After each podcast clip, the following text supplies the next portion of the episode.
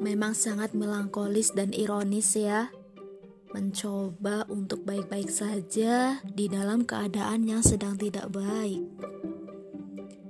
Seperti jalan pikiran ini sangat buntu, hati patah dan air mata ingin tumpah. Luluh lantah, sumpah parah. Rasanya ingin menangis, hatiku terkikis. Jarang ada senyum. Bahkan untuk uluran pura-pura saja berat sekali. Mana jalanku untuk pulang? Sedangkan aku belum melihat jalan pulang dan rumah dengan jelas.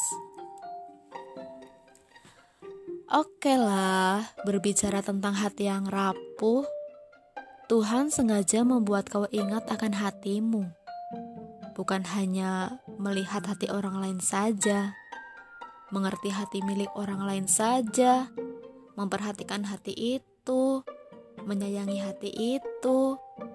Hei, hei, hati itu milik orang lain.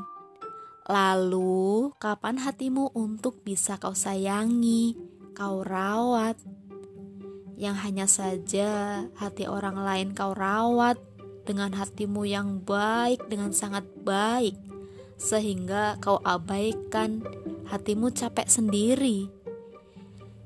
Iya, iya, aku tahu ragamu kuat, jiwamu kuat.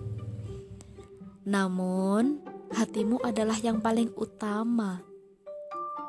Kau tahu, Tuhanmu sedang memberi pelajaran bagimu. Katanya, silahkan coba tilik luka hatimu. Toh kamu kuat untuk menegakkan hati mereka. Mengapa kau tak bisa meneguhkan hatimu sendiri? Betul kan? Tuhan betapa sangat sayang padamu, sangat peduli dengan hatimu. Ketika hatimu sedang rapuh, ia menjelma merasuk dalam segenap hati manusia. Ke manakah selama ini hati yang tak berucap akan kata, apakah Tuhanmu selalu di hatimu?